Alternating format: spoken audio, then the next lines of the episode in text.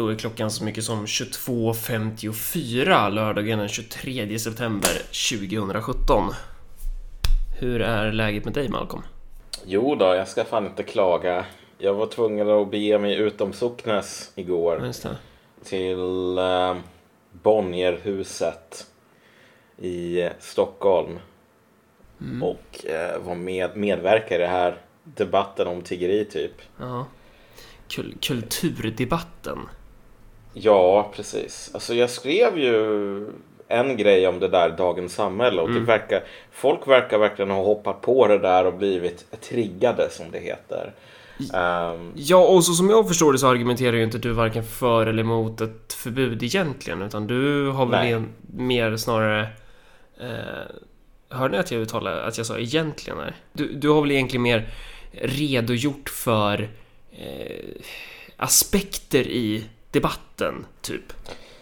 Jo men precis. Jo men det här. Jag har försökt att skriva ganska inom citationstecken meta. Mm. Det vill säga att tala om. Tala, att här- tala om vad det talas om. Ja men precis. Jo, som vilken otroligt pretentiöst av mig självklart. Men, men som sagt, det här verkar ha triggat igång ganska mycket reaktioner. Mm. Och intressant nog så verkar den här tiggerifrågan vara någonting som gör folk riktigt så här upprörda åt det ändra hållet. Mm. Men främst upprörda åt hållet liksom mitt humanistiska patos. ehm, hur kan vi leva i ett sånt hemskt samhälle så att man diskuterar ett förbud, bla bla bla. Det intressanta är ju att om du kollar den här undersökningen som gjordes i Aftonbladet till exempel. 57 procent av befolkningen eller någonting är ju för ett direkt liksom, tiggeriförbud. Var det liksom en, 17. en, en seriös undersökning eller var det bara en... Alltså man Ja, kunde klicka, klicka på... Nej, nej, Nej. nej. Det här var, det här var en opinionsundersökning, inte någon nyheter idag är typ liksom en sån grej. Men det var 57 procent eller någonting som var för ett tiggeriförbud. Så kanske det var 17 procent som var för att liksom tiggeriet skulle vara fritt. Jag är ju... Jag vet ju inte. Jag, jag vet faktiskt inte vad jag tycker och det handlar ju om att jag inte vet... Eh, jag tycker att jag har för lite... För lite underlag för att veta det jag vill veta. Jag vet att jag inte vet tillräckligt. Så känner jag än så länge. Eh, men med en viss bakgrund inom vänstern så har man ju alltid tänkt att man, har, man reagerar ju instinktivt på eh, så här, när det gäller tiggeriförbud, typ att man tänker att aha, de här människorna vill förbjuda människor från att vara fattiga. Fan vad korkade de är. Och så blir man ju väldigt upprörd. Eh, Och man blev väl ännu mer upprörd förr när man, när man var väldigt fast i den sortens... När den berättelsen var liksom kompass för hur man förstod världen. Ehm, och, Och det där, alltså det där att du tar upp det, det tycker jag är väldigt intressant just för att alltså, det är ju också ett tecken på att vad vi, den här vänstern håller på att genomgå den här förvandlingen. Filmen The Thing. Först är det en hund och sen bara är det en stor massa av tentakler helt plötsligt. Liksom. Därför att en gång i tiden så var det så här att den ryggmärgsreflexen skulle vara välgörenhet. Allting som liksom uppmuntrar till välgörenhet som en lösning på samhällsproblem. Det är huvudfienden nummer ett. Den gamla vänstern, liksom, den gamla arbetarrörelsen avskydde, avskydde, avskydde välgörenhet mer än någonting annat. och det visar ju också, alltså just det här det intressanta med begreppet vänstern. För att om man tittar på det här för hundra år sedan så var ju det en helt annan politisk företeelse. Eh, Exakt. Så, alltså det var ju en socialistisk arbetarrörelse som, som vände sig mot de här Oscar... Vad fan var det du sa innan avsnittet? Liksom de här Oscarianska eh. Societetsdamerna Ja, som kommer och ska hjälpa folk. precis. Typ. Medan vänstern idag är ju kanske mer Oscarianska societetsdamer som ska hjälpa folk. Exakt, jo. Det är ju det, den förändringen har skett här. Ja. Assimileringen av den här hunden in till liksom the thing Ja. är mer eller mindre komplett idag. Ehm, och därav har vi ju den här debatten där den, den, den, den instinktiva vänsterpositionen blir samma sak som den instinktiva folkpartistpositionen. Vilket är att det här är en rättighet att tigga. och den måste vi skydda. Vem vill ta ifrån någon rättigheten att få tigga utanför Konsum? Det är ju inhumant, det är illiberalt, etc. etc. Det är osocialistiskt, säger de. I det här avsnittet så kommer vi resonera lite kring, eh, kring den här frågan. Och kanske inte bara just så här förbud ja eller nej, för att frågan är ju mycket större. Eh, och det är väl också det som är lite problematiskt när man ska föra sådana här debatter i media, att det blir så här jag vet inte, på tre minuter ska man komma fram, ska man lösa någonting? Eller ja, det, det är ju inte syftet. Syftet är att generera interaktioner såklart. Men, men så här, det, det, är ju lite djupare, det är lite större fråga än bara så här, förbud, ja eller nej. Mm. Eh, så att vi kommer väl bolla lite fram och tillbaka. Men om vi ska börja med att försöka redogöra olika argument för olika sidor. Försöka bryta mm. ner det här typ. Finns det något mer man behöver säga kring den här debatten du var med i Expressen eller? Nej, det tror jag inte. Eh, hon, din samtalspartner kom in och kommenterade på din Facebook att du inte hade, att du inte hade benämnt henne vid namn. Jag är dålig på att komma ihåg namn. Det är liksom inget personligt. Nej, hon heter Ida Ulmedal. Sen, sen har du tänkt på att det finns liksom... Jag, jag, det slog mig när jag såg den debatten att, att det finns ju... Jag har ju alltid tänkt att det finns två typer av R i det svenska språket. Alltså det, det, okay. det rullande r och sen det, det, det skorrande, typ.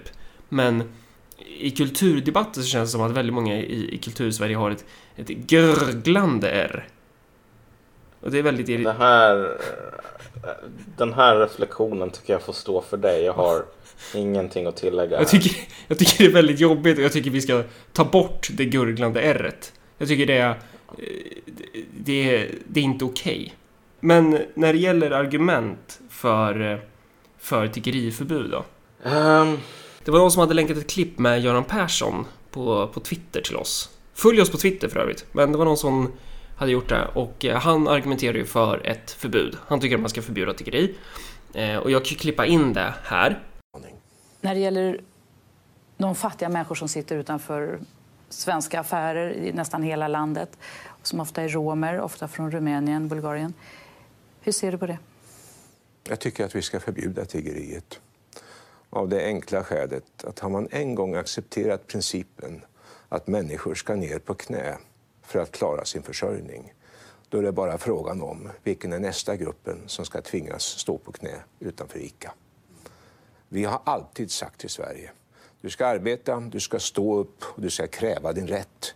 Du ska inte ligga på knä och be. Det kan du möjligen göra i kyrkan, men inte för en rätt i samhället. Därför att det skapar ingen frihet. Men det jag, jag, jag, tycker det här är en oerhört eh, kortsiktig och farlig politik när man accepterar tiggeriet som ett sätt att försörja sig. Men vad ska dessa människor göra? Ja, jag har ett mycket enkelt råd. Åk hem och ta kampen. Det är människor som uppenbarligen är starka, företagsamma, som vill någonting de har också ett hem i Europa. De har också någonstans där de har en bostad och de kanske har barn. De har de har egentligen det? Det är ju erbarmliga förhållanden många romer lever under. Men inte löser vi de förhållandena genom att man står och tigger utanför Konsum i, i Gnesta. Så. Men, och det han säger här är ju då att, eh, ja, men att man, man ska få tiggarna att röra sig hemåt. Liksom. Ett, ett förbud ska få dem, ska förmå dem att föra kampen på hemmaplan är ju hans tes då. Så det är ju ett så argument.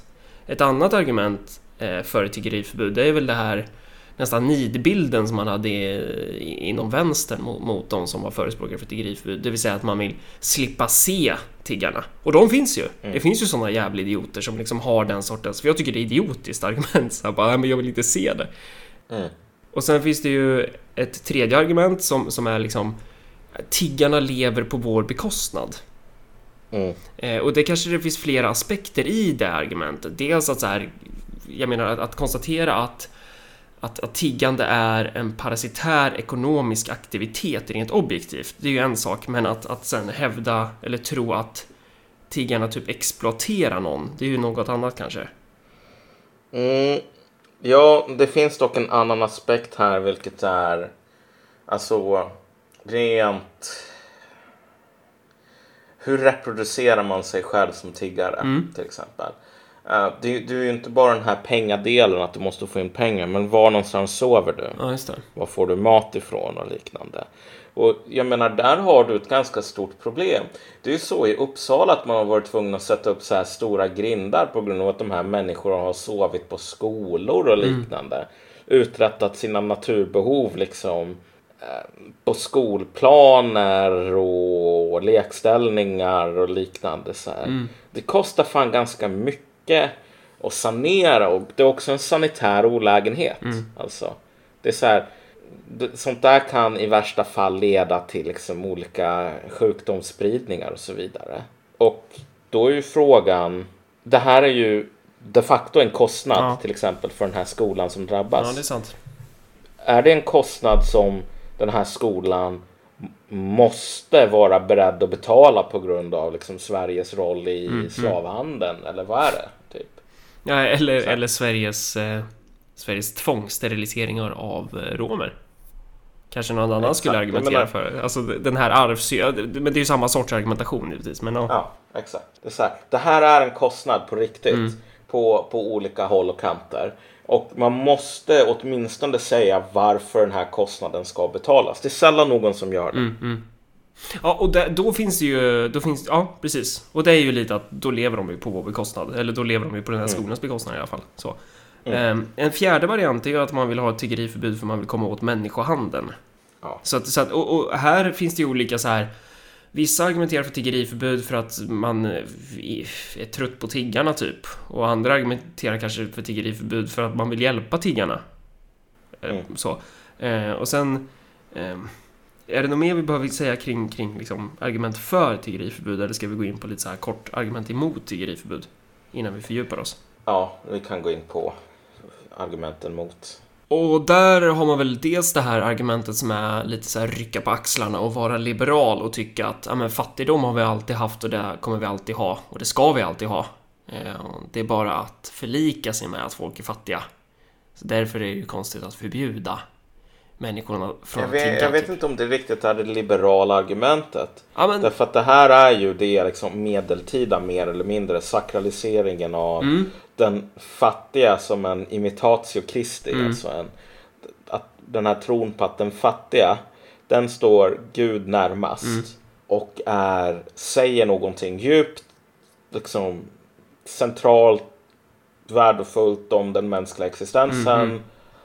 Mm, då, Och därför så måste vi bevara dem. men då tror jag vi pratar Men- om två olika saker. Ja, Eh. men det, det som jag menar bara är det liberala argumentet här. Det liberala argumentet är det här autistiska liksom rättighetsgrejen. Vi må, har ingen rätt att hålla på och inskränka på vad människor får göra utan väldigt starka skäl. Det här är någonting som liksom är ett sluttande plan etc. etc, etc. Individens frihet. Det är det liberala argumentet. Liksom, den in, individuella friheten. Mm. Och det var ju ett sådant som liksom Ölmedal körde på med mycket också. Ja, ja men det, det, finns ju då ett argument som är... Alltså det, det jag tänker finns en skillnad här är dels den här alltså slappheten som bara är jag skiter i tiggarna. Därför, därför är det så här spelar det ingen roll om det är förbud eller inte. Då, då kan det lika gärna vara tillåtet så. Låt dem tigga om de vill så. Och sen finns det en annan och den är ju direkt så här bara, men eh, det, är skitsamma. Men sen finns det ju en, eh, kanske det som du är mer inne på. Att det finns en liksom att en, vad ska man kalla det, en undermedveten, kanske mer socialliberal idé om det här med välgörenheten. Att, att man vill ha tiggaren där för att det är skönt för en själv. Någonstans. Alltså man, man, man Mm. tänker inte där direkt så här bara åh vad, åh vad gött att se en tiggare. Det är klart ingen tänker så. Men undermedvetet kanske man gör det. Lite som när, när man liksom har etisk konsumtion. Att, att Mm. när man typ, eh, jag vet inte vad, köp det här mjölkpaketet så planterar du två träd i regnskogen eller Mm. eh, allt sånt här. Men så är det ju. Om du tänker dig, alltså på medeltiden, fattiga det var ju inte bönder. Alltså en bonde kunde inte vara fattig därför att fattig var ett begrepp som inte hade så mycket med att göra om du höll på att svälta ihjäl eller inte. Och hur många bönder som gjorde det. Utan fattig, det var en person som inte ägde några produktionsmedel och som inte hade en del i någon produktionsprocess. För att snacka på marxistiska. Alltså det var så här di- diverse lösdrivare och liknande. Och saken är ju den att om du sa nu ska vi ha en jordreform eller liksom reformera gillesystemet så att de här människorna kan bli hantverkare eller någonting. Alltså folk skulle ju eh, klättra på väggarna och säga det här är inte acceptabelt. Och det skulle inte vara, bara vara på att så här, jag kommer att förlora min mark eller mina privilegier. Det här är kommunism. Utan den andra biten är så här, hur fan ska den moraliska ekonomin funka? Mm. Vad fan ska prästerskapet hålla på med? Och vad ska, hur ska adelsmännen kunna komma till himlen? Mm. Därför att sättet som de kommer till himlen det är ju genom att göra botgöring. Mm. Och hur ska de kunna göra botgöring om det inte finns massor med fattiga som man kan idka fattigvård hos? Så fattigvården på den tiden den var designad inte för att bota fattigdom utan för att se till så att fattiga inte skulle dö. Mm. Så att de skulle kunna fortsätta finnas där. Och du har ju en liknande alltså godhets... Eller vad Ja. ska man säga? Moralisk ekonomi idag. Som då ger Anders Lindberg existensberättigande kanske. Ja, den, den roliga grejen här är ju så här. Vellinge kommun kom ju med det här tiggeriförbudet nu. Ja. Tar typ två sekunder och så kommer det så här civil rights defenders och liknande Mm. grupper som bara säger vi måste tigga massor med pengar på Swish så att vi kan hyra en advokat så att den här advokaten kan försvara tiggare. Jo, hur ska den försvara tiggare? Genom att se till så att de kan fortsätta vara tiggare. Mm. Och det är alltså, jag brukar säga att när det gäller att skramla ihop till en varm filt så att en tiggaren utanför Konsum inte ska frysa ihjäl. Då är entusiasmen total. När det gäller att få bort tiggaren från Konsum genom att se till så att den här personen inte behöver sitta där längre. Då är det ingen som bryr sig. Alltså, det är mycket mindre människor som engagerar sig i sådana saker. Det är mycket mindre liksom, pengar man får in på sin jävla Patreon eller Swish-kampanj om man håller på med sånt. Därför att filtinsamlingar är det som är, alltså det är det som talar till folk. Och det finns ju eh, den här personen som har förrådit sin kultur genom att driva hatmedia istället för att sitta ute med koppen liksom changfritt. Ja. Eh, han skrev ju på sin hatsajt någonting ganska talande nyligen. Vilket är det här med... Hur mycket man får plats med under en zigenarkjol eller är det någon annan? Nej, nej, inte, den grejen. nej. Utan, Okej. Det är ju världens bästa anledning till att skaffa plus. Han var så idag, lycklig så- när han hade gjort den artikeln så ringde han upp mig och berättade resultatet och man bara ja okej. Mm. Ja, det här, det här är... Han är också en, en husblatte tydligen. En onkel Tom. Men, men okej. För att vara seriösa här en stund. Det var ju... Man kunde ju läsa på nyheter idag nyligen om den här liksom, personen från Södermalm som satte sig ner för att tigga åt tiggarnas skull. Ja, det, var ju, det var ju vintras då. Ja, ja. Men det är... Alltså det, jag tycker ändå att det är jävligt talande. Ja, ja. Det här med när någon tar sin jävla skylt och sin kopp typ Mm. och bara ska sätta sig ner i sin jävla jacka för 3000 kronor och bara säga jag tigger här för att illustrera det hårda samhällsklimat som vi har hamnat i Mm. och den rasism och antiziganism. Det här är botgörelse. Mm. Det här är fucking jävla botgörelse. Den här personen självmant med stor entusiasm sätter sig ner och tigga Mm. för att kunna liksom nå frälsningen. Och som vi var inne på här, tidigare i det här avsnittet är att det visar ju ännu mer på den här inverteringen av vad begreppet vänster innebär. Liksom. Hur man har gått från att vara socialistisk kommunistisk till att idag vara någonting annat. Till att idag vara socialliberal. Liksom. Att, att, eh, att det här har blivit en, det är en dygd att kämpa för, för bevarandet av tiggarens roll som tiggare. Så är det ju. Det, det summerar ju jättebra och, och också att det är på Södermalm såklart. Ja, självklart. Det är ju... Det är inte det eviga exemplet. Det är ju inte i Degerfors där man, som, som man gör det här. Det är ju inte... Det är det är ju inte VPK i Degerfors som sätter sig utanför Bruksgården och hjälper, hjälper tiggarna att tigga. Nej. Nej. Eh, men vad fan... Eh, mm, gjorde jag så du kom av det lite här? Nej? Nej då. Nej, men jag tror... Vad, vad var nästa Ja, det finns ju en till, ett till eh, argument är ju så här att det är rasism. Det är rasism att förbjuda tiggeri. Och den är ju, den är ju bäst. Det är ju det roligaste argumentet. Ja. Ja, men det argumentet tycker jag illustrerar någonting som överlag går att säga om ganska många områden Ja. idag. Det är att så här, antirasismen den moderna antirasismen går alltid mycket längre i sin, liksom de här eh, grundläggande axiomerna liksom om ras än vad rasisterna Mm, gör. mm. Därför att om du säger att det här med att ett tiggeriförbud är ett utslag för antiziganism. Då säger du mer eller mindre att liksom så här. eh, Precis som det är i, sitter i blodet för Malcolm Schune håller på att spela bongotrummor typ för att han har rytmen i blodet. Så är det helt enkelt i blodet för någon som Chang Frick och håller på att tigga pengar. Och den, om, han, om Chang Frick inte håller på att tigga pengar annat än genom sina jävla plusartiklar. Liksom, Du får ju tänka på att han är hälften jude också, så det är, det, det är kanske därför som det kompenserar här. Ja, nu, nu, nu tycker jag, nu blev det lite för mycket. Vi får bjuda in Daniel Friberg till ett av de här avsnitten så Alltså- att han kan komma med sin expertis. Han säger ju det Så. själv! Men ja. Ja, ja, nej men jag säger så här, vi, vi två amatörer ska inte sitta Nej, här. sant. Vi får bjuda in en expert från allt höger Ja. när vi ska verkligen vara rasrealistiska.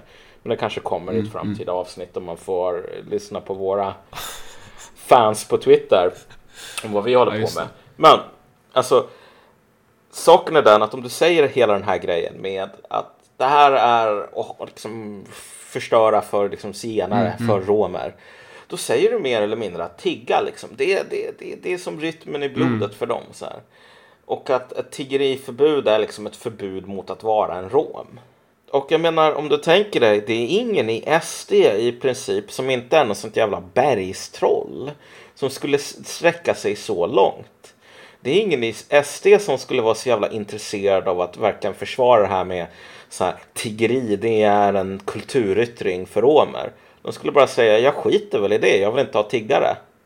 Och sen om de här romerna typ hemma i Rumänien är typ fysiker eller schackmästare eller tiggare eller bilmekaniker eller whatever. Alltså det är inte relevant. Det finns i slutändan inget sådant argument från den rasistiska sidan. Det vill säga att så här tiggeri lika med romsk kultur. Det är bara antirasister som vill säga att tiggeri är någonting som romer måste hålla på med för att de har det i sitt liksom, DNA eller i sin kultur eller blodet. Liksom.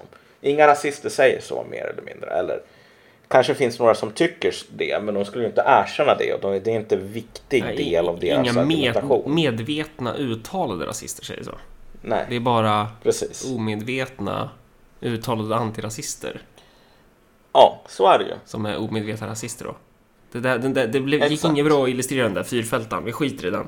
Men eh, ja, jag hoppas man fattar den i alla fall. Hur som helst, det, det är ett ganska vrickat argument. Men, men om vi spinner vidare därifrån då? På den punkten.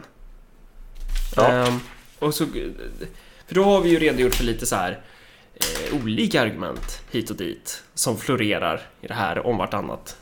Och jag gjorde en intervju med, eh, vad fan heter han? Adam Martinen, tror jag han heter. Han heter säkert inte så. Martinen heter han i efterhand i alla fall. Rättspolitisk talesperson för Sverigedemokraterna. Just om det här liksom. För Moderaterna har ju börjat driva den frågan eh, trots att de var emot det för något år sedan typ. Eh, och eftersom SD drev frågan då. Sossarna hoppas att Moderaterna kommer att lyckas med det här i Vellinge så att de kan ta över skiten Ja. sen. Det är ju det som också är roligt här. Eh, Men, men någonting som var intressant i den, eh, när, när man intervjuade honom var att så här, han... Eh, hela intervjun var lite så här att... Som den här diskussionen är i största allmänhet, att det här är ju inte en fråga om tiggare i största allmänhet, utan det här handlar ju om EU-migranterna. Ja, Eh, när man då undrar så här, ja men hur kommer det här påverka liksom Lasse som, eh, som tigger? Hur... Eh, Mm. som, som liksom är gammal missbrukare eller vad det nu kan vara eller bara hamnat, hamnat där. Ehm, då blir det lite så här som... Det kändes lite som att ehm, han blev lite förvånad typ. Eller att det var Mm. liksom så här bara, ja men vadå, det är ju ett fall för socialtjänsten typ. Det är ju klart att de Mm. här svenskarna, de ska ju få hjälp av den svenska välfärden och så. Sen tror inte jag ärligt talat att Sverigedemokraterna kommer, kommer föra en, en, en, en sån politik. Det skulle vara jättefint om de gjorde det så. Men jag tror att de är ungefär som de andra partierna, de kommer bara pissa på de här människorna i slutändan. Så. Men, men ja. Eh, det, det, det, och det, vart vill jag komma här? Jo, att det finns någon slags skillnad ändå. Det finns en skillnad på Ja. tiggare och tiggare. Eh, och Men alltså, men, och alla vet ju Ja. det. Alla, vet är ju fullt medvetna Eh, om det. och liksom. om det finns en skillnad, eh, dels i orsak till varför man tigger. Om det finns skillnader här, då måste det också finnas skillnader i metoder. För att, eh, vad det nu är man vill uppnå. Antingen att få de tiggarna att få jobb, kanske. Att få tiggarna att, att bli en del av samhället, eller vad det nu är man vill åt. Så. Men att Mm. man kanske inte då kan ha samma, samma sorts politiska metod eh, för alla grupperna. Och, och då Mm. kommer ju folk undra då, vad i helvete skulle det vara för skillnader? Kanske man undrar då. Speciellt om man är vänster. Ja, alltså det finns en annan poäng här också. Som liksom just med den här intervjun med den här talespersonen. Det visar ju också hur ihåligt det här argumentet om antiziganism egentligen är. Därför att det är ju ingen från SD som faktiskt säger, det här är ju gråsossar man talar om. Eh, det är ju ingen där som säger att det stora problemet här är att They're taking our jobs. Det är ju ingen som säger den här fina platsen utanför ICA i Boländerna. Nu är det en jävla zigenare som har tagit det där det egentligen ska vara en stolt svensk vallonättad tiggare som ska sitta liksom. Utan de säger bara så här, om det nu finns några liksom, svenska tiggare. Då ska fan socialtjänsten komma med en jävla skåpbil och bara avlägsna dem, sätta dem i jävla avgiftning eller någonting så att de kan bli en produktiv del av samhället igen. Det är ju ingen som säger att alltså, tiggeriet, det är inte det som är problemet utan problemet är bara att det är romer som tigger. Liksom, har trängt ut de, de, de inhemska entreprenörerna på området. Så här, folk vill inte ha tiggande oavsett så här, de, de, de rent etniska aspek- aspekterna här. Så det är den första saken. Men den andra saken är ju att de etiska aspekterna här är ju fan centrala egentligen. Och saken är ju den att om du tigger som svensk så gör du det för att du är utslagen. Då, då är det också så att alltså, du är fortfarande en del av oss om man säger så. Och det är ingen som har någon förväntan, alltså det finns inga stora frågetecken med typ om jag nu ger dig en jävla lägenhet och typ ett jobb på ABB. Kommer du att fortsätta tigga då? Så här. Kommer du att säga nej men vet du vad det här är min livsstil. Det är ju ingen svensk tiggare som skulle säga något sådant. Så den här etniska aspekten också är någonting som, som gör att den här diskussionen alltid fastnar. Därför att här har vi också den här tendensen som har varit så jävla vanlig. En av anledningarna till att SD håller på och exploderar bland eh, invandrare idag är ju för att den, den här SDs motståndare har ju alltid talat om typ invandring och problem i Sverige som att okej, det finns problem. Alla problem är på grund av så här, svenskars rasism. Så här. Varför så har somalier inte etablerat sig till exempel som vi diskuterade i tidigare avsnitt. Men det är för att svenskar är rasistiska.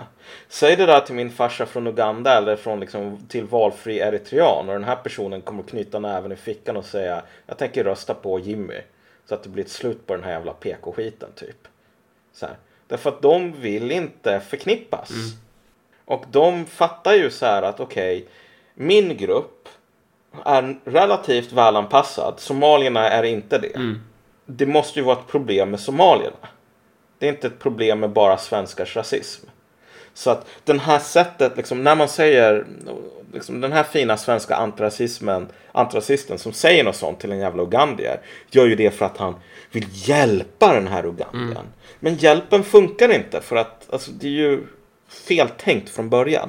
Och på samma sätt om du säger att alla de här problemen med liksom, varför folk tigger i Sverige, jo men det är på grund av svensk rasism, antiziganism eller vad det nu kan vara, förakt för fattigdom. Det kommer ju inte heller att hjälpa någon därför att det är ju bara idiotisk liberalism och narcissism. Men mm, om man tänker då så här. eh, Du har ju anfört de här argumenten i eh, texter och tal. Att, att eh, de här EU-migranterna har ju möjligheter att få jobb. De har, Ja, de har exakt. rättigheter. Ja. Varför jobbar man inte för att liksom, realisera de här rättigheterna? Varför, varför ser man inte till så att människor hamnar i arbete? Eh, och då vill man ju ställa sig frågan så här, varför söker inte de här personerna jobb? Vad, vad är det för liksom eh, mekanismer som spelar in där. Mm. Jag ställde den frågan till Ida Ölmedal faktiskt efter den här debatten. Aha.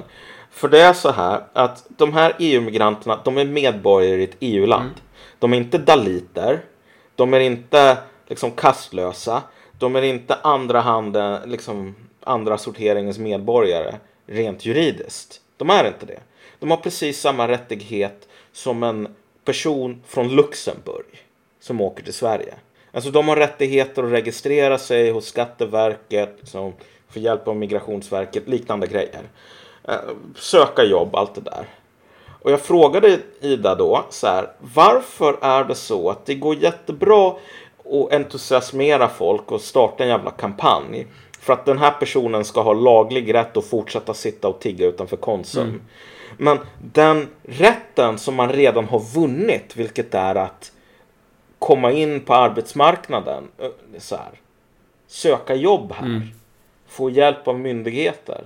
Den rätten, du behöver ingen Martin Luther King som säger I have a dream. Fighten är över, den är avklarad, allt är klart. Men den rätten som redan finns, det är ingen som är intresserad av att kräva den. Varför är det så? Vad är det folk väntar på? Ställde jag frågan. Och hon kunde ju inte svara på det.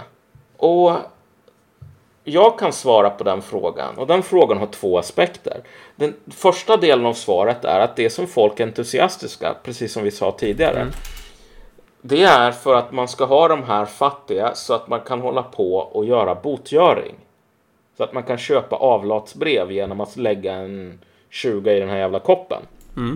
Och det är därför som folk eh, blir jätteglada när de kan försvara rätten för de fattiga att vara fattiga. Eh, Men det finns en annan aspekt här på andra sidan, vilket är att om du nu sa så här. ehm, nu ska vi ta de här människorna och bara registrera dem hos Skatteverket. Skulle man snart upptäcka att den här goda föresatsen skulle rinna ut i sanden därför att ingen skulle vara intresserad. I princip ingen skulle följa med dig till Skatteverket. De vill inte hålla på och registrera sig hos några jävla myndigheter typ. Alltså det intresset på andra sidan skulle minst sagt vara svalt. Det tror jag att de flesta vet nog inte tillräckligt mycket om de här frågorna utan de går bara på reflex och instinkt liksom. Som de flesta narcissistiska vänsterliberaler gör. Typ från Folkpartiet till Vänsterpartiet. Men ehm, om de visste nog så skulle de ju säga att alltså, det där går ju inte. Det där liksom i realiteten så intresset finns inte. Och det är väl det som är grejen då om man ska gå in på de här kulturella aspekterna. Ja, Eh, för det finns kulturella aspekter i det här. exakt. Det kanske inte ens är kulturella aspekter enbart utan det kanske är rent utav produktionsaspekter som gör ehm, som ligger till grund för varför vissa tiggare vill fortsätta vara tiggare. Förstår du vad jag menar här nu? Vart är jag på väg? Nej, det gör jag Okej. inte. Produktionsaspekter. Ja, det, vi kan eventuellt klippa bort det här, men det jag menar är ju att kulturella aspekter, de här kulturella aspekterna vi kommer Ja. att prata om, det, det är ju faktiskt kulturella aspekter som är direkt avhängiga de här människornas roll i produktionen. Det är ju en kultur som har vuxit fram just eftersom de har en parasitär ekonomisk eh, roll. Ja, precis. Jo, För att om, om man tänker då så här att eh, ja, kulturella aspekter, du vet, då kanske de flesta människorna tänker något helt annat, men det vi menar är ju faktiskt en följd på eh, en väldigt gammal eh, position i produktionen. Ja, precis. Men jag menar, det är ju... Jag vet inte om det är så egentligen viktigt att påpeka det, för att det här är väl grundhållningen. Mm. Att så här, den materiella tingens ordning påverkar människans liksom, kultur, sociala Ja, du tänker att det är lite som att sparka in en öppen dörr, typ. Ja, men precis. Jo, men det, när gäller det inte egentligen? Är väl egentligen den berättigade frågan. Det är ju att sparka in en öppen dörr för dig och mig. Ja. Men är det där för alla lyssnare? Nej, det behöver det ju självklart inte vara. Saken är väl bara den att det som jag tog upp det här med liksom, min referens till somalier och varför den där antirasismen, kampen mot SD, nu har gjort att SD är större än Vänsterpartiet bland invandrare. visar ju på att vi har redan erfarenheter som säger att allt är svenskarnas fel som den enda förklaringsmodellen. Bara gör botgöring, skäms över kolonialismen. Alltså det funkar ju inte. Det, objektivt sett är det här en dålig metod att mota SD i grind. Den är kontraproduktiv.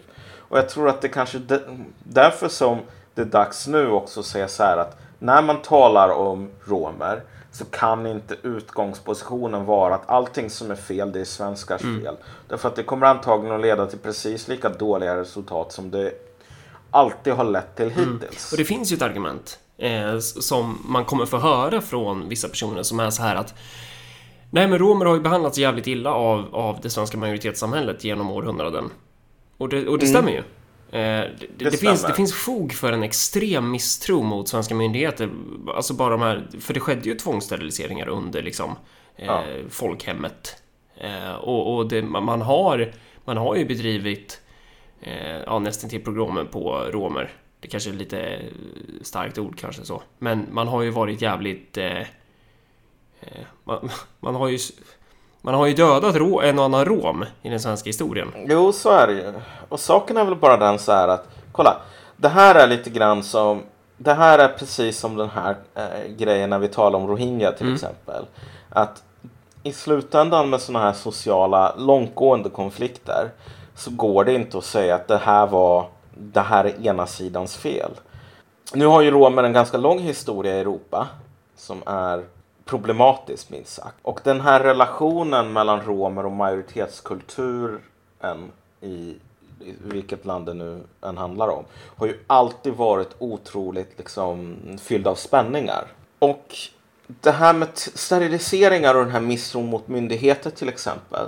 Man måste kontextualisera den genom att tänka att så här, när myndigheter ser på romer oftast, liksom, myndighetens öga perspektiv är typ att de här människorna, de är inte produktiva samhällsmedborgare. Och många gånger så ställer man sig den här frågan på myndigheten så här, men hur kan vi göra de här människorna till liksom produktiva medborgare? För de är ju inte det. Ehm, och då blir det så här, Men, man kan ju då, för att nyansera det, att det behöver ju inte vara det enda syftet de här myndigheterna har haft. Kan man ju också säga. Eller tror du det? Att, att, det, man har, att det man har eftersträvat är produktivitet. ja men mer eller mindre. Alltså, och sen produktivitet innebär i slutändan att hålla på med kulturmord på folk som talar typ eh, occitanska. Jo, absolut. Jag är med på den aspekten. Jag bara menar att, att det kan ju finnas flera variabler till varför det skedde tvångssteriliseringar. Eh, Ja men alltså, kolla. Eh, Jag, nej, jag skulle säga att den grundläggande variabeln det är att man behöver fler arbets eller soldatmyror. Okej. That's it liksom. Och sen så får det massor med olika ut... under va- utfall. Ja, okej. mm. Men, men man måste förstå att liksom hur en sån här myndighet, hur en stat, liksom en abstrakt konstruktion tänker. Ehm, den har en ganska annorlunda syn på saker än mänskliga individer.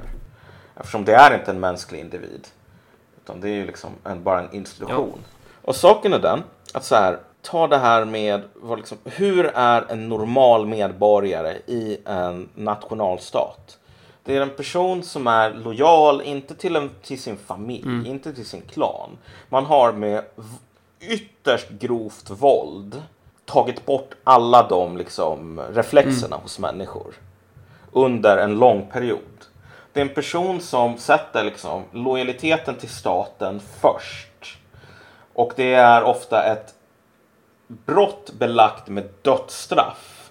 Att när det till exempel blir krig så säger man okej, jag tycker den svenska staten är viktig. Men jag tycker att den här grejen är viktigare så jag slåss för den istället. Det är så här, okej men då blir, du, då, då blir du hängd. Därför att du får inte ha större lojaliteter i krig än till ditt eget land. Om det är så man tänker och liksom att den här personen, det är en person som har väldigt svaga band till liksom familj och liknande, men som har en stor tilltro till myndigheter som betalar skatt och som vet att liksom, det är våldsmonopolet som man ska respektera och det är det som kommer att eh, syssla med typ rättviseskipning och liknande. Då är romer jävla aliens. Därför att de går inte med på något av det här. Och om du tänker så här, det finns massor med sociala problem i den här gruppen. Då kommer den, lösningen alltid att vara, jag ska göra de här människorna till riktiga människor.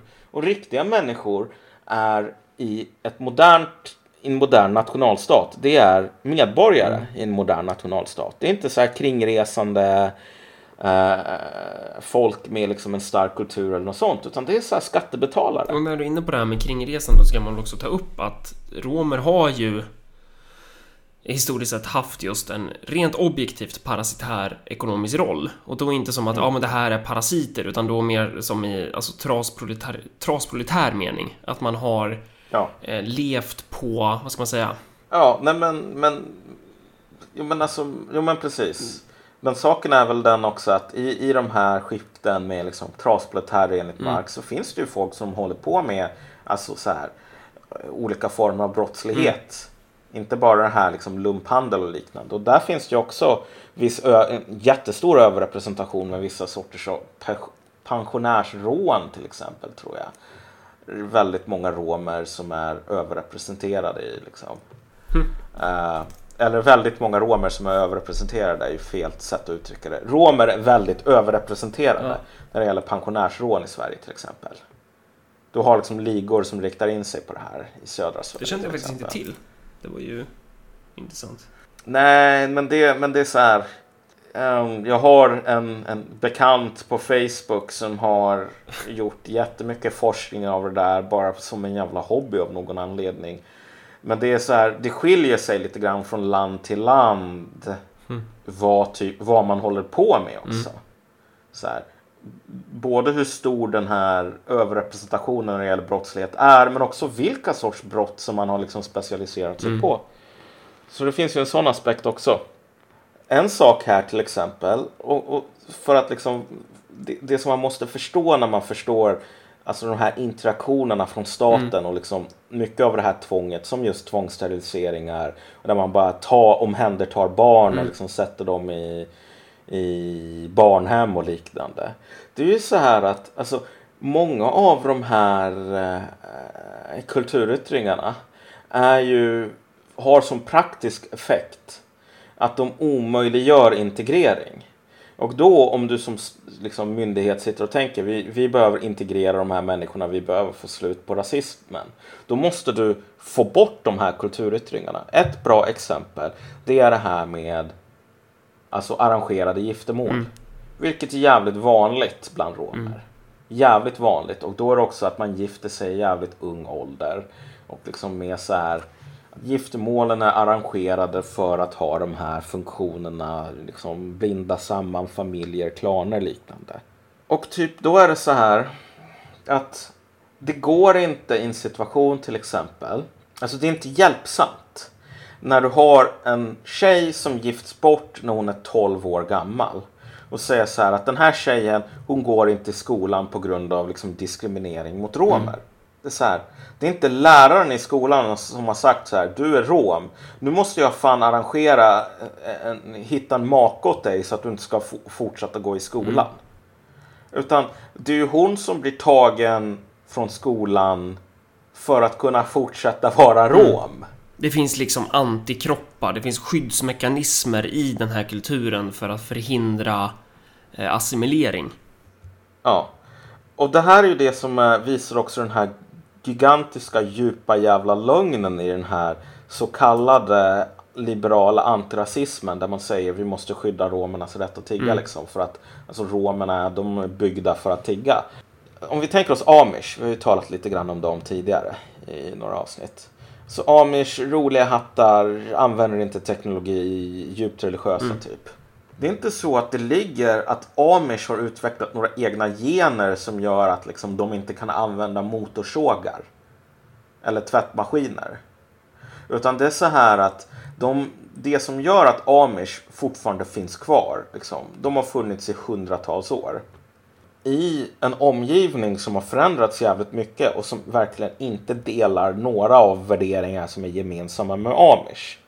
Så här, USA, det är inte direkt ett teknologihatande land och det är inte religiöst på det här liksom, det sättet som amish är i alla fall. Eh, Och ändå så fortsätter amish att vara amish. Jo, genom att alla som plockar upp den här jävla motorsågen för att det är så jävla mycket mer bekvämt. De blir utstötta. Och de har också alla de här mekanismerna för att se till så att folk inte ballar ur och bara sticker till Las Vegas på semestern. Alltså så här. De, de har utvecklat alla de här teknikerna för att fort behålla sin form. Och de människorna som inte klarar det, alltså de slutar vara amish. Och på samma sätt så finns det massor med människor med liksom romsk ett. eh, med, med romska föräldrar och så vidare som slutar vara romer. Inte på grund av att liksom, det är något fel i deras DNA så att de inte har rätt handgrepp när de ska hålla i tiggarskålen. Utan därför att de säger, vet du vad, shit, jag kom på, jag har ett jävla bra äh, läshuvud. Mm. Liksom. Så jag, jag stannar kvar i gymnasiet som tjej och liksom pluggar in på läkarlinjen. Om Gör du precis stannar- som vilken- vem som helst.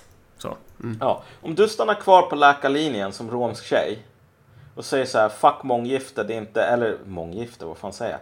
Fuck arrangerade giftermål, jag tänker inte gifta mig med min kusin. Jag tänker kanske skaffa barn när jag är 34 eller någonting, men först ska jag fokusera på karriären.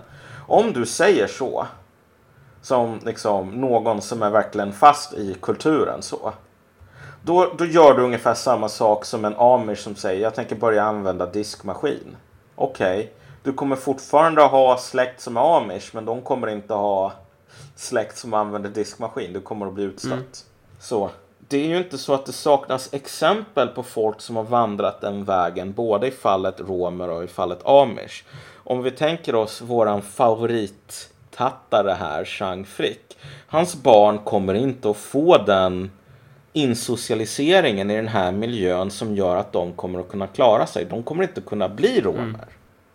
De kommer att vara jävla outsiders. Därför att Chang Frick har antagligen inte ens möjligheterna själv att ge dem, alltså, allt, liksom, stöpa in dem i den här kulturen, i den här sociala miljön. De kommer att vara ungefär som du Marcus som säger så här, ja men jag har släktingar som är valloner typ. Det kommer att vara på den nivån. Ja, Och det är just det. Ja, så, så att tesen här som vi lägger fram då är alltså att det finns kulturella aspekter i att bevara eh, så här, det, det finns någonting som vill skydda gruppen från att bli en del av samhället. Och eftersom att Ja. det, om, om man ska få jobb så krävs det typ att man är medborgare. Det krävs liksom att man, vad ska man säga, eh, integreras i samhället nästan. Så Ja. därför så vill man få Därför söker man försörjningsmöjligheter som gör att man kan bevara sin, sin grupp, sin kultur, Sin sin, särart. särart. Eh, och det här, det här kanske inte är generaliserbart för, för samtliga givetvis. Men, eh, men det finns väl en sån tendens någonstans. Ja, och den tendensen är ju också väldigt stark. Vilket gör den här tiggarfrågan i Sverige så otroligt eh, infekterad. Mm. Alltså, eller så, inte infekterad och infekterad. Jag tycker som sagt, när 57% av den svenska befolkningen vill förbjuda tiggeriet och 17% vill låta det vara helt fritt. Då tycker jag att alltså, det är inte infekterat. Mm. Det är ganska tydligt vad konsensus är. Mm. Men det som gör den här konflikten omöjlig för de här goda krafterna i samhället, de som inte är hemska borgarkommunister liksom, som jag. Mm. Det är ju att det finns ingen antirasistisk lösning här. Mm. Det är det som är grejen. Det finns ingen... Om du säger, jag tycker att de här eh, romerna, Mm. de, ska vi, de ska få jobb, de ska bli som alla andra. Mm. Okej, fine. Tänk dig vad den vägen kommer att leda. Du kommer förr eller senare att vara tvungen att inse att jag måste ge upp. Eller så kommer du att bli den här myndighetssnubben som säger de här människorna de vill ju inte bli som riktigt folk. De vill inte sitta där i sitt jävla radhus och uh, kolla på Let's Dance. De vill inte uh, tycka att det är staten som ska lösa alla problem, inte familjen. De vill inte vara fria individer. Därför så måste vi tvinga dem att bli det. Mm. Och hur tvingar man någon att bli fri individ? Jo, med, genom att kidnappa den här personens barn. I princip. Ja, i förlängningen ja. Ja, Ja. precis. Det är så det sker. ja. Eh, Så, så vägval är ju på något sätt, om, om man tänker då praktisk åtgärd eh, in the long run på makroplan, Mm. blir ju då antingen att investera i, i den här sortens eh, transformation, i, i att, i att eh, institutionalisera de här människorna, göra dem till medborgare med allt vad det innebär, skyldigheter och rättigheter. Eller att inte göra det. Och då vill man ju ha bort dem från arbetsbordet, kanske. Och tredje alternativet, det är att inte veta vad man ska göra. För ett alternativ här är ju till exempel det Sverigedemokraterna föreslår. De vill ju ha ett tiggeriförbud eh, som, som ett argument för att skicka hem de här personerna till Bulgarien eller Rumänien eller vad det är. Jo men alltså, jo men precis. Det här är en intressant fråga därför att jag tror att Sverige idag har inte resurser, har inte tålamodet att hålla på och civilisera människor. Det finns det finns en bok som heter någonting i stil med typ zigenare i, i Sverige eller någonting. Den var ju skriven på den här tiden där det fortfarande PK inte hade uppfunnits. Så liksom det, det, det var så att man sa inte romer, man sa zigenare typ. Uh, så den är från 60 80-talet kanske. Grejen är att Sverige har ju haft den här föresatsen på den tiden liksom där det var så här 70-talet, typ sossar, folkhemmet var, var på sitt zenit. Typ. Ja. Sverige föregångslandet nummer ett. Då var det verkligen så, man åkte runt i Europa, man skickade ut några jävla så här myndighetspersoner som bara sa nu ska vi leta reda på typ romer. Eh, och så ska vi ta dem och så ska vi göra dem till riktiga människor. Det var verkligen... Man vill ju också säga en till sak och det är ju skillnad på, alltså ofta, egentligen ska man väl säga resande så och det är väl skillnad på eh, resande och resande. Jag menar, det finns ju eh, de som man traditionellt kallar tattare, de har ju för fan bott i Sverige sedan 1500-talet typ. Jo, jo, men visst, det finns liksom olika grupperingar så här. Så är det ju. Ja. Men poängen här är ju att när man på 70-talet, då åkte man runt så här, runt om i Europa, så skulle man leta reda på så här tillräckligt tragiska jävla romer som man skulle civilisera. Okej. Eh, och så hittar man så här, tror jag i Spanien hittar man en del. Men de talar spanska. Ja. Och de hade så här riktiga jobb. Har det här hänt? Och liksom, ja det har hänt. Det här är och de, jätteroligt betalas, på något sätt. de betalade skatt. Okej. Så då sa man så här, nej men de här kan vi ju inte ta, de är ju fan, de är ju inte riktiga romer liksom. Nej. De betalar skatt och har jobb och är assimilerade. Och så hittar man så här, till slut de mest tragiska exempel man kunde hitta från typ Bulgarien Mm. eller någonting. Sa man, ja nu får ni ett nytt liv i Sverige. Och så skulle man liksom stoppa in dem i så här radhus i miljonprojekt och Okej. typ. Och det var så jävla, det var verkligen så här den finaste, naivaste jävla liksom kolonialherren som kommer och ska... Det var verkligen Tintin i Kongo. Ehm, och det här blev ju bara katastrof. Total jävla katastrof. Malcolm, hur jobbar Sovjetunionen med det här? Ja, det var inte Tintin i Kongo direkt. De var ju fan mer brutala. Och Mindre naiva också tror jag. Ja, Liksom. Inte, likta, inte mycket humanism där inte. men, men Ehm, för det är inte, skulle, ja, det, det här vill jag, Jag har läsa inte om. så stor koll på historien där, Nej. men jag menar så här. Sovjetunionen, när de jobbar mot hedersvåld till exempel. Ja, ju, Då ja. var det ju så här. Det var inte som Sverige idag där man tänker att så här. Allting löser sig därför att alla vill bli som Nej, svenskar. det var väl bara nackskott på de... Ja, det blev nackskott för, för man kanske var lite naiv i början när man tänkte så här. Om vi säger att nu har alla samma rättigheter och skyldigheter, liksom. kvinnor är jämlika. Ja. Då kommer det inte att bli, det kommer att bli trubbel men det kommer inte att bli hundratals kvinnor som blir mördade av sina manliga släktingar. Och så blev det det. Och så sa man okej, men då behöver vi skjuta alla, alla de här mördarna. Ja. Liksom. Vi behöver hänga dem. Men, men när det gäller just... Och så gjorde man det. Det här då? Alltså rom... Ja. Det- Nej, jag vet inte hur Sovjetunionen Nej, kolla, kolla upp hanterar det. det här. Kolla upp Ja, det, jag åt göra. mig. Så jag slipper Ja. göra det själv. Eh, Det får jag göra. Men, men poängen här är ju att du har haft de här föresatserna om att civilisera människor. Och det blev jävla katastrof. Därför att det var ingen i Sverige som var intresserad av de här människornas kultur, föresa- föresatser. Utan det var bara så här. I varje gok Ja. så finns det en amerikan som bara ropar efter att komma ur. Just det, i varje rom så finns Så det en liksom- folkhems... Ja, exakt. Och så insåg man att nej, Swedi. Så. Det är inte så det funkar tyvärr. Och då blev det bara kack. Jag tror inte vi har så många problem som Sverige har idag. Vi har inte tid, vi har inte råd. Det finns ingen som liksom skulle skriva upp på något liknande projekt om att hålla på att ta massor med romer och rädda dem från sin egen romskhet. Därför att man inser alltid när man ska rädda folk från sin egen liksom, kultur, typ. De dåliga yttringarna där. Så som vi ser det att de säger fuck you, det är ni som har de dåliga yttringarna. Och då kommer man antingen att säga så här, okej jag hade fel. fortsätt med typ gifta bort 13-åringar för att det är patriarkalt och svenskt att tycka att det är fel. Eller så får man säga, vet du vad, det är vi som har rätt, ni som har fel och nu ska vi använda våld och tvång. Det är det som är problemet för alla goda humanister som tror att allting är liksom svensk rasisms fel. Du kommer att upptäcka att det finns rasism på andra sidan också.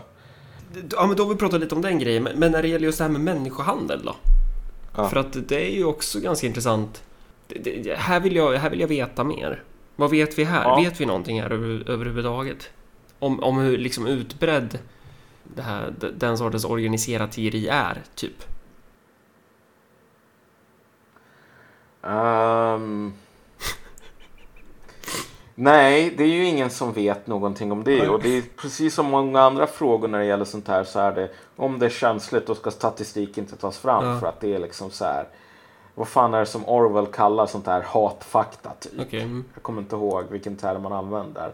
Men det är så här, det är skadligt och det är farligt och därför så behöver vi veta så lite som möjligt för att skydda oss själva. Mm. Um, så jag tror inte det kommer att göras några undersökningar. Men jag tror att hela den här den frågan är ganska överspelad därför att det här kommer att bli förbjudet ganska snart. Det finns inga jävla... Det finns förutom på liksom diverse liberala öar liksom, så finns det inte längre mycket entusiasm inför mm. det här.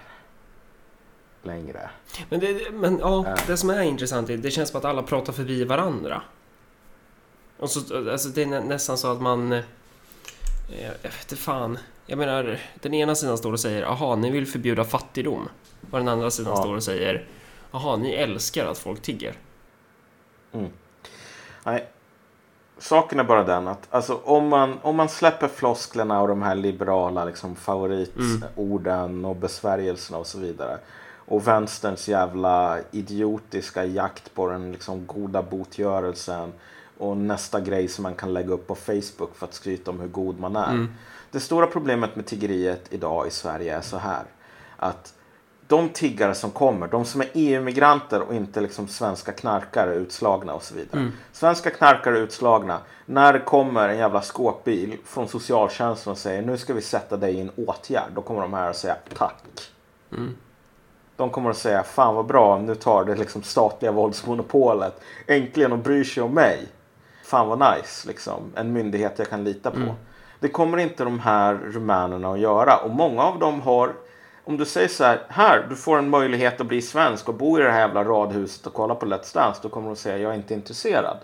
Och det finns historiska, kulturella skäl till varför de har eh, det är ganska logiskt mm. för dem att säga det. Men då återstår den här frågan, vad fan har Sverige för skyldigheter här? Mm. Precis, vad har vi för skyldigheter och till, till ja. vad liksom?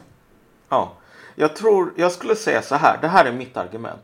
Sverige har skyldigheten gentemot de här människorna åtminstone ja. och gentemot ganska många människor. Att när det finns folk som säger så här. Ge mig en lista på skyldigheter och saker jag måste göra mm. för att bli en del av myrstacken. Liksom. Ge mig en lista på de sakerna i det här medborgarskapet som krävs av mig. Då är man skyldig att ge den här listan. Och när de gör de här sakerna då är man skyldig att ge dem alla rättigheter som följer mm. på att vara en myra i myrstacken. Mm. Det är så. Ingen person som kommer och säger så här, ja men jag är... Alltså ingen som säger, ja men jag är tattare, jag är rom. Och jag vill ha ett jävla jobb, jag vill att min dotter ska utbilda sig, sitta liksom, gå på läkarlinjen. Mm. Ingen i Sverige har rätt att säga nej du är tattare, du är rom, du ska tigga mm. liksom. Var sak på sin plats. Man måste ge dem som gör, som, som respekterar skyldighetssidan, man måste ge dem alla rättigheter. Någon som säger jag är inte intresserad av de här skyldigheterna. En sådan person har man ingen jävla skyldigheter mot å andra hållet mm. heller. Och, och, och, saken är den så här, till exempel, har vi skyldigheter att ha folk som sover på skolgården här i Uppsala och typ eh, bajsar mm. med skolgården. Så att man måste hyra in liksom folk som sanerar det här varje dag. Eh, hur skulle man göra om det var en svensk person? Som man, liksom svensk medborgare som var med på hela tåget med liksom allt, Mm. var en utslagen före detta skattebetalare. Då skulle man tvångsomhänderta den här personen. Och så skulle man avgifta den i bästa fall. Liksom. Man, skulle ha, man skulle ha rätten att göra Ja, I det. något idealfall i alla fall kanske man skulle... Ja, i ett idealfall. om. Liksom. Eh, man skulle bry sig om dem i ett idealfall. Och man skulle säga vi har rätten att få, få bort dig från det här stället. Därför att alltså, så här ska man inte hålla på. Mm. Och jag skulle väl säga så här att man har faktiskt rätten att få bort de här människorna också. Man har inte rätten att neka dem hjälp. Mm. Men man har rätten att erbjuda dem hjälp på sina egna villkor. Mm.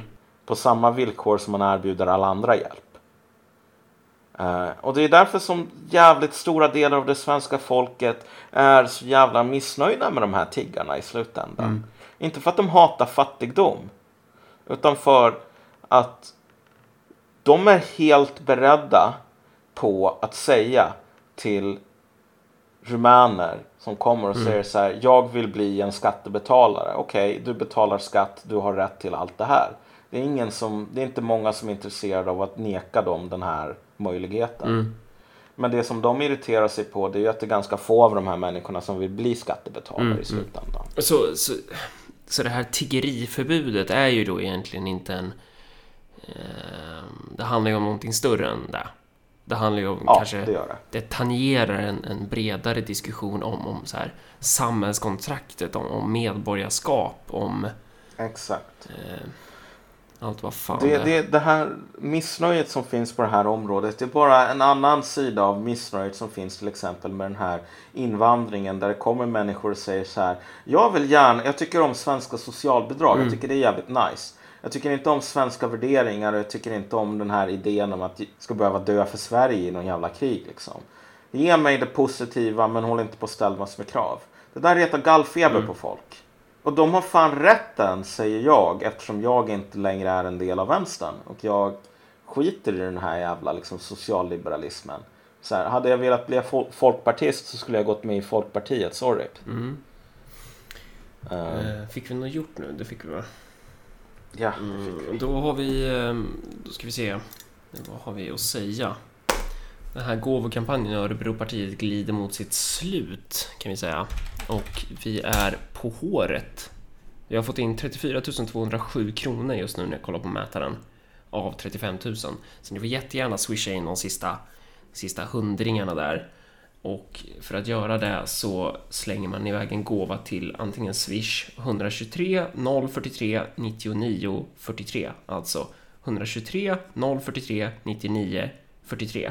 Eh, om man märker gåva. Eller så sätter man in det på plusgirokonto 71 49 78-4. 71 49 78-4. Märk insättningen gåva. Stort jävla tack till er som har finansierat Örebropartiets valkampanj. Det här är så jävla bra, är det. mm. ja, men det är kul att det Ja, lyckades. det är fan helt jävla briljant, är det. Det är ju... Det är ju väldigt olycksbådande för vart det här landet är på väg att, att, att folk är beredda att stödja sådana här mörkerkrafter alltså. Precis, det är graviteringen, stöveltrampet, Ja. hör. Man hör det mer och mer nu. En, en till sak som också kan vara värt att punktera är ju att så här, Marcus och Malcolm och det vi säger här är ju inte direkt eh, Örebropartiets policy, kanske. Jag, jag har hört det ibland. Jag, jag har fått höra att Örebropartiet är dömt att misslyckas eftersom våra planer på planekonomi inte är realiserbara. Och jag som partiledare så har jag aldrig... Jag har, jag har helt missat de här liksom, uttalanden eller dokumenten om att vi vill ha en planerad ekonomi.